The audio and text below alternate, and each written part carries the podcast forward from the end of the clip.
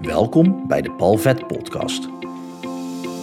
In deze podcast help ik jou met verhalen en inzichten om de blemmeringen in je leven de baas te kunnen zijn, zodat jij je talenten en jouw grootheid kunt omarmen op weg naar een fijn en vrij leven.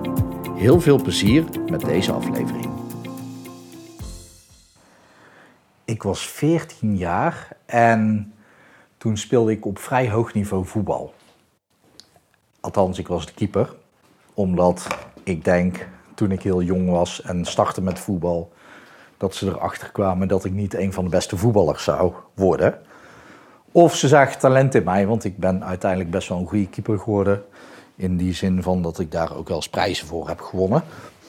Uh, maar dat terzijde, doet er ook helemaal niet toe eigenlijk. Uh, maar wij waren dus uh, 14, zo rond, rond 14 jaar hadden wij een elftal. En wij speelden tegen grote clubs. Vooral in, in, de jeugd als amateurteam en dan tegen Feyenoord, Willem II, NAC Breda spelen. Dat soort clubs, dat was natuurlijk wel te gek. En er staat me, er staan me een aantal wedstrijden nog heel, heel dichtbij. Um, dat is geen goed Nederlands. Ik probeer hier iets van mijn muur af te schrapen. Ik word afgeleid. Mijn team, ons team, wij speelden echt vrij goed in dat jaar. En dat had, dat had er echt mee te maken. Het jaar daarvoor uh, waren we al lekker bezig. Maar dat jaar kregen wij, gingen we door met de trainers met wie wij trainen. En we trainen met uh, een duo. Normaal gesproken zat er maar één trainer op en ik ben hun namen echt vergeten. Maar ze waren heel streng. Ze waren heel strikt voor ons. Het was altijd minimaal één keer in de week was het ook een training van conditietraining. Nou, als je voetballer bent, dan wil je gewoon met de bal dingen doen. En dan wil je niet rondjes rennen en met conditie bezig zijn. Nu was ik keeper, dus ik had en één keer in de week conditietraining en in de, één keer in de week keeperstraining. En een keeperstraining uh, gaat ook wel flink op conditie. Omdat juist als je vermoeid raakt, je nog steeds scherp moet kunnen zijn. Dus mijn conditie was heel goed. En dan de andere training was vaak een iets lichtere training. Maar doordat wij zo strikt aan het trainen waren, waren wij dat jaar flink gegroeid als team. Zo speelden wij in het begin van het seizoen thuis tegen NAC. En ja, dat was voor het eerst dat ik tegen een, een club, een betaald voetbalclub speelde. Dus dat was voor mij wel spannend. En we speelden thuis en we stonden inmiddels 1-0 voor. En toen kregen we een penalty tegen. En ik was de keeper. Maar ik stond wel bekend om een keeper die penalties pakte. En wij waren goed in psychological games, psychologische spelletjes. Dus degene die de penalty moest nemen, die had ergens ook al begrepen dat ik daar goed in was. En ik had van Ed de Goeie, ik weet niet of dat jij die kent, maar Ed de was een hele goede keeper van het Nederlands elftal. Had ik ook geleerd om spelletjes te spelen. Zoals met je vinger onder je oog wijzen en dan de, de spits aankijken. De speler die de penalty nam. En ik stond op de doellijn uiteindelijk en mee nam de speler de aanloop, maar toen floot de scheidsrechter. Normaal gesproken moet de scheidsrechter eerst fluiten. En dan mag je starten met het nemen van een penalty. Omdat hij nu floot ondertussen, betekende dat dat de speler moest stoppen. Dat speler niet door. En hij schoot hem oké in, maar wel ja, heel erg houdbaar. Ik kom er makkelijk bij. Maar ik liet hem gaan, want ik, ik wist, hij wordt afgekeurd. Hij had er niet door, dus het hele team juichen en de scheidsrechter fluiten. Dus zij helemaal flabbergasted. En ik zeg, ja, jongen, als je hem de volgende keer nog zo inschiet, dan pak ik hem gewoon hoor. Want uh, nu heb ik hem gewoon laten gaan, want ik hoefde alleen maar mijn hand uit te steken en ik was erbij geweest en dat weet jij ook wel. Echt heel, heel eigenlijk. Maar goed, hè, het hoort er een beetje bij. En uh, nou ja, toen moest hij over en toen uiteindelijk uh, schoot hij op de lat. Dus ja, heb ik hem toen tegengehouden? Nee, niet met mijn handen. Maar goed, uh, dit verhaal dit vind ik gewoon heel vet, omdat de druk die het opleverde om tegen NAC te spelen, dat, dat gaf net even een beetje extra. En het was gezonde druk. En dat kwam doordat we goed getraind waren. Want op het moment dat je goed getraind bent in, in alles wat je ook doet, dan val je terug op het getrainde op het moment dat er druk ontstaat. Dus dan heb je ook vaak minder tijd en overcapaciteit om echt na te denken, maar je, je valt terug op de routines. Uh, daarnaast hou je ook wel weer aan de andere kant breincapaciteit over om slim te blijven spelen. Omdat die routines nou eenmaal goed staan. Dus de basis stond. En dat was heel gaaf. En uiteindelijk in dat hele seizoen, wij speelden tegen NAC dan in de competitie, maar dit was dan niet NAC landelijk, maar de, moet ik het goed zeggen, de C2. De C1 was landelijk. Wij zaten bij de C2 in de competitie. En toen aan het einde van de competitie, toen stonden wij op nummer 1. En wij moesten tegen NAC en NAC stond op de derde plek. En toen moesten we uit. En wij waren dat jaar zo gegroeid dat ik daaruit bij hen eigenlijk alleen maar ja, een ballenjongen aan het zijn was als keeper voor het eerste van NAC wat aan het spelen was. Dus dat was, was bijzonder. Maar goed, de, een wedstrijd daarvoor, twee wedstrijden daarvoor, mochten wij tegen NAC C1 landelijk voor de beker. Dat werkt hetzelfde als bij betaald voetbal. Je hebt de gewone competitie en je hebt de bekercompetitie. Dus in de beker hadden wij al een aantal clubs verslagen. En wij speelden echt goed. En toen speelden we in de kwartfinales. Ik moet even goed zeggen. We speelden in de kwartfinales tegen NAC landelijk. Ook uit. En dat was vet. Want een kwartfinale tegen een betaald voetbalclub spelen, dat, dat gaf echt wel iets extra's. Weer een beetje hetzelfde als de eerste keer tegen NAC. Alleen nu was het dan anders, omdat we niet echt zenuwachtig waren. We waren wel gespannen, omdat het een, een grote club was. Een, een club voor ons en dan ook de, de beste geselecteerde spelers natuurlijk van onze generatie. Dus we voelden die, die druk van oké, we, we moeten presteren en we gaan ze ook pakken. Het gaat gewoon gebeuren. En met die druk gingen wij de wedstrijd in. En we wonnen uiteindelijk die wedstrijd met 4-2. Dus ja, ik heb wel doelpunten tegengekregen. Maar het was van elk, elk teamlid, iedereen uit ons team, wij speelden gewoon echt goed. Ik denk dat als we cijfers hadden gekregen toen, en dat is natuurlijk moeilijk hè, met herinneringen, maar ik denk dat we allemaal zo gemiddeld rond de 8,5, 9 zouden hebben gezeten. Ik speelde ook echt gewoon een goede wedstrijd als keeper. En ik ben echt wel iemand die zegt: Oké, dit was niet zo goed als dat uh, het geval was. Maar ik denk dat wij toen met het hele team gewoon echt op een hoog niveau zaten. En dat gaf natuurlijk een rush. Want we hadden in de kwartfinales ja, de NAC C1 landelijk verslagen.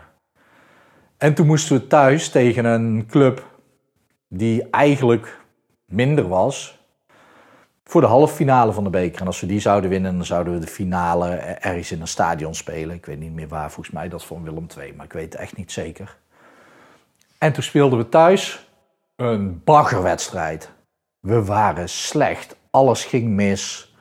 Ik speelde ook gewoon echt slecht als de laatste man, dat is de, de, de speler die het dichtste bij de keeper staat, een, een terugspeelbal naar mij moest spelen, hadden we normaal gesproken altijd ijzersterke communicatie. Sowieso speelde hij altijd naast de goal terug, zodat als er iets fout gaat, dat, dat hij niet zou zitten. Maar wij konden ook wel, op het moment dat wij echt op onze top van onze kunnen speel, speelden, dan konden we juist wel dingen doen omdat je op elkaar ingespeeld was. Het nadeel is, als je dat soort dingen doet en je bent niet op elkaar ingespeeld of er loopt gewoon iets niet, ja, dan speelt de laatste man met een boogballetje terug op mij, terwijl ik naar voren was gelopen, zodat hij me rustig in de voeten aan kon spelen. En ik word gewoon wel weer een beetje, je merkt het aan mijn gestotter, zenuwachtig van zo'n bal die dan met een boogje als keeper over je heen gaat.